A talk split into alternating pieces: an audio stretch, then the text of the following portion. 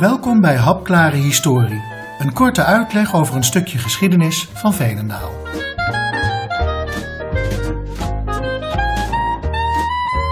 Deze lezing gaat over de gemeentesecretaris De Klerk.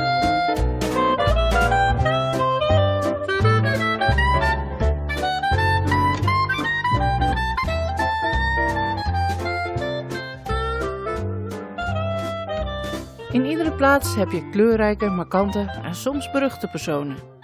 Dat is in Veenendaal niet anders. Een van de meest beruchte ambtenaren in de geschiedenis van de gemeente was gemeentesecretaris De Klerk. Dertig jaar was hij in dienst van de gemeente, haalde regelmatig het nieuws vanwege aanvaringen met de burgemeester en anderen en werd uiteindelijk veroordeeld voor verduistering. Op 3 juni 1870 wordt in het gezin van dominee de Klerk in Garderen een zoon geboren. Hij heet Abraham. Als hij volwassen is, gaat hij werken bij de gemeente Veenendaal als administratief ambtenaar op de secretarie. De gemeentelijke organisatie telt in die periode een stuk of vijf ambtenaren. In 1894 komt de functie van gemeentesecretaris vrij. Dat is de hoogste ambtenaar binnen het gemeentelijk apparaat. Naast de klerk is er nog een andere sollicitant. Maar met acht van de tien stemmen wordt de dan 24-jarige Abraham benoemd. In de vergadering van 19 januari 1895 wordt hij toegesproken door burgemeester van As van Wijk. Hij refereert aan de jeugdige leeftijd van de nieuwe gemeentesecretaris en spreekt de hoop uit dat de raad nimmer berouw zal hebben van zijn keuze en dat wij nog lang tezamen in het belang van de gemeente Veenendaal mogen werken. Lang is de klerk wel gebleven. Hij vertrekt pas 30 jaar later. En of de raad nooit spijt heeft gehad? Luister en oordeel zelf. Abraham de Klerk trouwt in 1900 met Geertruida Nijhuis, dochter van een van de hervormde dominees in het dorp. Anderhalf jaar later wordt hun eerste kind geboren. Eind 1902 komt er een nieuwe burgemeester, de 30-jarige Hendrikus Arnoldus van de Westering. Veenendaal heeft dan een roerig jaar achter de rug. Onrust rond de kermis heeft ertoe geleid dat de kermis verboden werd. En de jeugd van Veenendaal reageerde door de ruiten van diverse raadsleden en de gemeentesecretaris in te gooien. Omdat de secretaris niet wil dat er socialistische bladen verkocht worden en ervoor gezorgd heeft dat arme inwoners het blad van de bomen aan de Kerkwijk niet mogen oprapen voor hun varkens, hebben de jongeren er een spotlied bij bedacht. Hop, hop, hop, hang de blaaiendien erop. Mede door deze voorvallen worden er permanent marechaussees in Veenendaal gestationeerd. In 1906 raakt de klerk voor het eerst in opspraak. De aanleiding? Bestellingen van kantoorartikelen zonder toestemming van burgemeester en wethouders. Voor iedere bestelling is een handtekening van een lid van het college nodig, maar vervolgens voegt de klerk een blad met extra bestellingen toe. De raad is hier niet van gediend. Leveranciers worden ingelicht dat er in het vervolg altijd een handtekening van de burgemeester nodig is. De klerk gaat echter door met zijn praktijken. In 1907 wil de raad hem eigenlijk ontslaan, maar uit medelijden met zijn gezin besluiten de raadsleden hem nog één kans te geven. De klerk moet excuses aanbieden, beloven nooit meer zoiets te doen en hij mag niets meer bestellen uit naam van de gemeente. De gemeentesecretaris gaat direct in de tegenaanval. Hij beschuldigt de burgemeester ervan ontvangen gelden onjuist verwerkt te hebben. De raad bespreekt deze beschuldigingen in afwezigheid van zowel de burgemeester als de secretaris en komt al gauw tot de conclusie dat dit onzin is. De verhoudingen verslechteren snel. Burgemeester van de Westering staat erop dat het woord burgemeester in de notulen met een hoofdletter geschreven wordt, wat de klerk prompt weigert en hij beschuldigt de burgemeester van machtsmisbruik. Hij beschuldigt ook een ambtenaar van het gebruik van gemeenteapparatuur voor privédoeleinden en neemt de betreffende apparatuur in beslag. De ambtenaar klaagt bij de burgemeester, die de klerk sommeert de apparatuur terug te geven. En als de gemeentesecretaris dat weigert, dient de burgemeester persoonlijk een aanklacht in wegens verduistering van gemeenteeigendom. Ook dient hij een klacht over de gemeentesecretaris in bij gedeputeerde staten. niet alleen over deze kwestie, maar ook over de zogenaamde zegelgelden. Dat zit zo.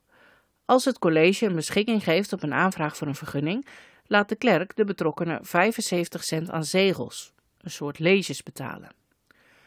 Hij beroept zich daarbij op de wet, maar de burgemeester vindt dat dit de burgers te veel kosten jaagt en noemt de klerk een afzetter die afzetterij pleegde. Reden voor de klerk om weer een klacht bij de officier van justitie in te dienen. En zo gaat het maar door. Er komen nieuwe beschuldigingen over het vervalsen van rekeningen en de directeur van de gasfabriek, die geëxploiteerd wordt door de gemeente, beschuldigt de gemeentesecretaris van het slecht bijhouden van de gemeentelijke administratie. Als gevolg hiervan staat het functioneren van de klerk in 1911 opnieuw ter discussie. Bij stemming over een mogelijk ontslag staken de stemmen, 5 tegen 5. En dat komt vooral omdat de raadsleden zich realiseren wat ontslag voor zijn vrouw en twee kinderen zal betekenen. De klerk zelf is er niet zo van onder de indruk. Hij vindt de discussie vooral erg vermakelijk. In het verslag van de vergadering, die hij zelf maakt, is te lezen dat hij opmerkingen maakt naar het publiek over de gang van zaken. De burgemeester komt na verloop van tijd ook steeds verder onder vuur te liggen. Bij elke nieuwe klacht van de secretaris en elk incident op het gemeentehuis krijgt hij het verwijt dat het een rommeltje is en dat hij de zaken niet meer in de hand heeft. Het gedrag van de secretaris leidt inmiddels ook buiten het gemeentehuis tot irritatie. Op 20 oktober 1913 om half tien ochtends komt het letterlijk tot een botsing tussen hem en dominee Jongebreur. Op de markt lopen zij tegen elkaar op. De klerk neemt het hoog op. Hij beschuldigt de dominee van opzet. Het geval komt zelfs in de regionale kerkelijke organisatie ter sprake bij een vergadering. En deze doet uiteindelijk de uitspraak dat de dominee niet schuldig is aan onchristelijke wandel, omdat hij zijn best heeft gedaan om uit te wijken. En als een Venendaals meisje onbedoeld zwanger raakt, probeert de klerk te bemiddelen om een huwelijk tot stand te brengen. Maar daar is de vader van de jongen niet van gediend. Hij vraagt de gemeenteraad ervoor te zorgen dat de klerk zich hier niet mee bemoeit. De raad neemt het voor kennisgeving aan. Gedurende de Eerste Wereldoorlog is de gemeentesecretaris verantwoordelijk voor het uitbetalen van uitkeringen aan de echtgenotes van gemobiliseerde militairen. In 1917 ontstaat er onrust als hij dat niet regelmatig doet. En dan is het een kleine stap naar geruchten over verduistering. Hij dreigt echter zo vaak met rechtszaken dat de meeste mensen niet tegen hem opgewassen zijn. De burgemeester zeker niet.